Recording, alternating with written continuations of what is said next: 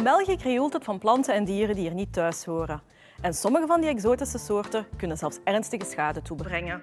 Ik ben alvast benieuwd welke planten en dieren dat dan wel zijn. We laten biologe Iris Stiers op je los in deze podcast. Maken exotische planten onze natuur kapot?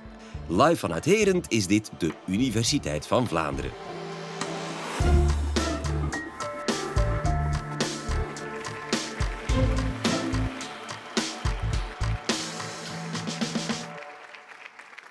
Wat een mooie vogel is het toch, hè? de halsbandparkiet. En weet je dat je gewoon een wandeling in Brussel of Leuven moet maken om deze tegen te komen?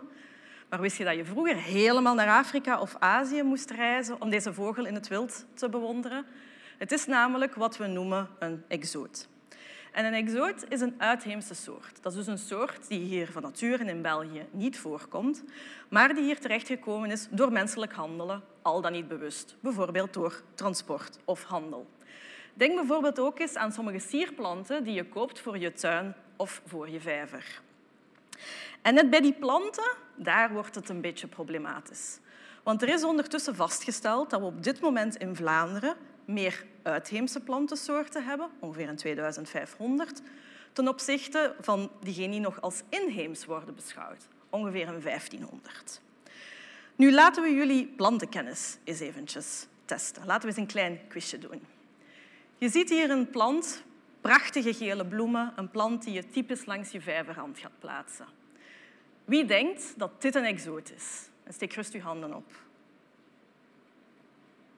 Een aantal mensen, maar de meeste denken dus dat dit geen exoot is en die hebben gelijk.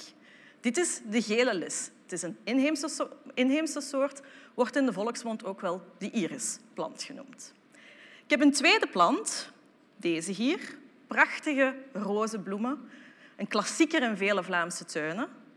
Wie denkt dat dit een exoot is? Nu zie ik al veel meer handen en goed zo. Het is een rhododendronsoort. Het is inderdaad een exoot. Ik heb er hier nog een laatste, hier in mijn aquarium. Het is een echte waterplant. Wie denkt dat dit een exoot is? Maar slechts een aantal mensen Helaas, dit is zelfs wat we noemen een invasieve exoot. Maar daarover ga ik straks meer vertellen. Het is nu eenmaal een feit dat er in onze streken meer en meer exoten voorkomen. En dat is vooral problematisch in watergebieden. Omdat de impacten die bepaalde exoten veroorzaken, die impacten die zijn veel groter in en op het water dan op het land. Nu, mijn onderzoek, en dat had je misschien wel al door, dat focust zich op planten. En dan nog heel specifiek waterplanten. Nu, we weten ook dat er veel uitheemse waterplanten te koop zijn in de handel. En die worden daar verkocht omdat ze mooi zijn of omdat ze goed groeien. Nu mag ik eens vragen, wie heeft er hier thuis een, een vijver of een aquarium? Ik zie toch wel inderdaad een aantal handen. Nu, we zijn de maand mei. Dat wil zeggen dat we die tuin moeten gaan onderhouden. We moeten die vijver gaan onderhouden. En ik veronderstel dat er ook nieuwe planten moeten gekocht worden. Wie checkt eigenlijk de herkomst van de planten als je nieuwe planten gaat kopen? Van de mensen die nu een vijver hadden. Kijk je die origine na? Wie checkt het? Dus ik zie inderdaad geen handen. Dus je weet eigenlijk niet of je nu een exoot gaat kopen of een inheemse soort. Nu, op zich moet dat nog niet echt een probleem zijn, want de meeste exoten veroorzaken ook geen problemen. Maar tuincentra die durven wel eens wat we noemen invasieve exoten verkopen, dus invasieve waterplanten. En je kan die dan kopen in zo van die potjes, zoals je hier ziet staan. En dat ziet er dan allemaal klein en schattig uit. En je denkt dan ook niet dat dat een probleem gaat zijn. Maar het is wel een probleem als deze plant in de vrije natuur terechtkomt. Want de plant hier in dit potje, is de watercrassula, is dezelfde plant als die je ziet op het beeld. Dus het loopt grandioos mis als zo'n invasieve waterplant een watergebied gaat overnemen. Want er wordt dan een dikke plantenmassa gevormd op en onder het water. Dat wil dus zeggen dat je geen zuurstof, geen licht meer in het water hebt. En dat wil dus ook zeggen dat jouw inheemse planten, maar ook jouw waterdieren, weggeconcureerd worden. Er zijn dus negatieve effecten op de biodiversiteit. Maar daarnaast is er ook een negatief effect op de economie. Want diezelfde plant, je kan het daar zien op het beeld, die kan ook de waterafvoer gaan belemmeren, die kan sluizen doen dichtgroeien en die kan zelfs overstromingen gaan veroorzaken. Nu, hoe pakken we het probleem rond die exotische planten nu aan? Wel, er zijn drie mogelijke opties. We hebben drie verschillende bestrijdingsmethoden. En de eerste methode is mechanische verwijdering.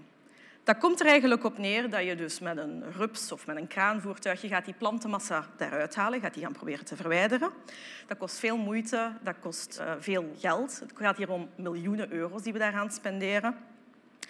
En je hebt dus een persoon nodig die dat van begin tot einde opvolgt totdat alles weg is.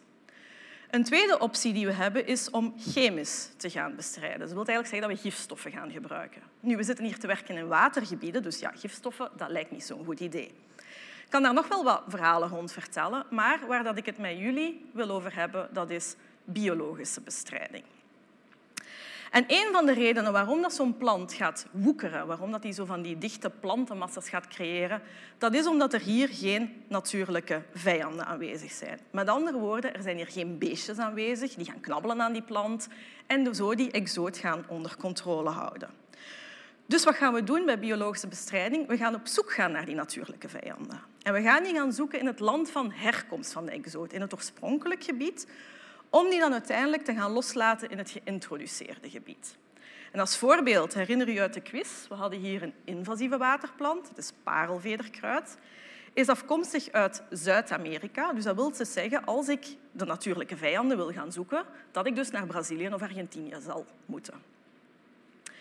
Nu, het idee achter biologische bestrijding is dus dat je exoot en natuurlijke vijand met elkaar gaat verenigen en zodanig een nieuw ecologisch evenwicht gaat herstellen. En dat wil dus zeggen dat we inderdaad ook wel exoten met exoten gaan bestrijden. En ik weet dat dat een beetje raar klinkt. Maar we gaan dat dan ook niet onbezonnen doen. We gaan niet zomaar naar een land gaan, we gaan daar die beestjes gaan zoeken en we gaan die weer in een ander land gaan loslaten. Want het proces is natuurlijk onomkeerbaar. Als je een keer beslist hebt, ik laat een beestje los, dan kan ik die beestjes daar niet meer terug gaan uithalen. En daarom is er ook jarenlang wetenschappelijk onderzoek nodig om zeker te zijn dat die natuurlijke vijand die je gekozen hebt, dat die dus alleen kan overleven en schade toebrengen op die exoot en veilig is voor onze inheemse planten. Nu, de gele lis, herinner u van daar straks, die, die mooie vijverplant, bij ons inheems. We houden van die plant. Maar tegelijkertijd is dat ook een invasieve exoot in Zuid-Afrika. En Zuid-Afrika heeft dan beslist, we willen die plant biologisch gaan bestrijden. En ze hebben daarvoor onze medewerking gevraagd. Dat wil dus zeggen dat wij hier in België die beestjes moeten gaan zoeken, die natuurlijke vijanden moeten gaan zoeken. En we hebben ze ook gevonden. We hebben er dertig gevonden. Ja? Dus we hebben een dertigtal insecten nu geselecteerd. Er komt wel heel wat taxonomisch werk bij kijken, want wat voor soorten zijn dat nu, welke type schade veroorzaken die, enzovoort. En van die dertig hebben we er twee overgehouden nog twee soorten kevers. Maar die moeten we nog verder gaan testen. Want het is natuurlijk nog allemaal niet gedaan. Want we moeten zeker weten dat er geen schade is aan onze inheemse natuur en dat dus aan alle veiligheidscriteria wordt voldaan. En zelfs na zo'n uitgebreid wetenschappelijk onderzoek ben je nooit 100% zeker dat het wel gaat werken en of dat je die natuurlijke vijand wel kan gaan loslaten. Uh, omdat je kan niet alles gaan testen. Hè. Je kan geen gans ecosysteem gaan nabouwen in, um, in een laboratorium. En dat is misschien ook een van de redenen waarom dat België nog een beetje terughoudend is om deze methode te gaan toepassen. Want volgens onze wetgeving mogen wij geen exoten loslaten, dus biologische bestrijding is bij ons geen optie. Nochtans weten we uit praktijkvoorbeelden vanuit het buitenland dat biologische bestrijding wel degelijk succesvol kan zijn. En een succesverhaal is bijvoorbeeld de grote kroosvaren. En what's in a name? De grote kroosvaren is eigenlijk maar een heel klein plantje. Maar dat is een invasieve exoot in Zuid-Afrika. Dus je hoort, in Zuid-Afrika hebben ze heel veel last um, van exoten. En midden jaren 90 hebben ze daar beslist, na jarenlang onderzoek, oké, we hebben onze natuurlijke vijand gevonden, we hebben die getest, we gaan die gaan loslaten. En ze hebben daar een kevertje losgelaten. Snuitkevertje, de azola-kever. En vandaag de dag heeft dat kevertje ervoor gezorgd dat die exoot in Zuid-Afrika bijna helemaal uitgeroeid is. Nu, die grote kroosvaren die is ook bij ons aanwezig in België. En die vormt dus ook een drijvende laag planten op uw wateroppervlak. Nu, wat dat vele mensen niet weten, is dat ondertussen ook dat kevertje bij ons terechtgekomen is. Maar hoe is dat dan gebeurd? Want ik heb daar straks gezegd, ja, we mogen geen exoten loslaten. En nu zitten we er wel mee. Ja? Dus Die grote kroosvaren die hebben wij bewust geïmporteerd. Dat is de mens geweest, dat was een mooie plant voor de sierhandel. En op de een of andere manier is die dan in de vrije natuur terechtgekomen.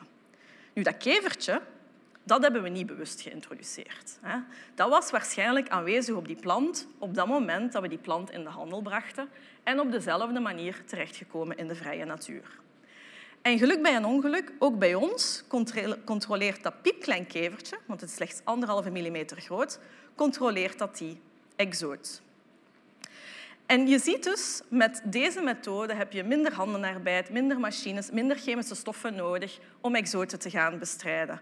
En in mijn ogen maakt dat dat een goedkopere, duurzamere en milieuvriendelijke oplossing. Dus op de vraag, maken exotische planten onze natuur kapot? Daarop is het antwoord zowel ja als nee. Natuurlijk afhankelijk of je te maken hebt met een exoot of een invasieve exoot. Maar je kan wel zelf je steentje bijdragen om te zorgen dat plantenexoten zich niet verspreiden. En dat is door enkel inheemse planten te kopen, om te zorgen dat je planten uit je vijver of je natuur niet in de vrije natuur gaat dumpen. En ik zou ook wel eens willen vragen, neem je eigen vijver of aquarium eens onder de loep en scan eens voor mogelijke invasieve waterplanten. Iris Stiers is trouwens niet de eerste die het hier over exoten komt hebben. Zo kwam in podcast 117 uit de reeks Sarah Descamps ook al vertellen waarom de Amerikaanse stierkikker zo gevaarlijk is. Heel veel luisterplezier met die aflevering of tot een volgende keer.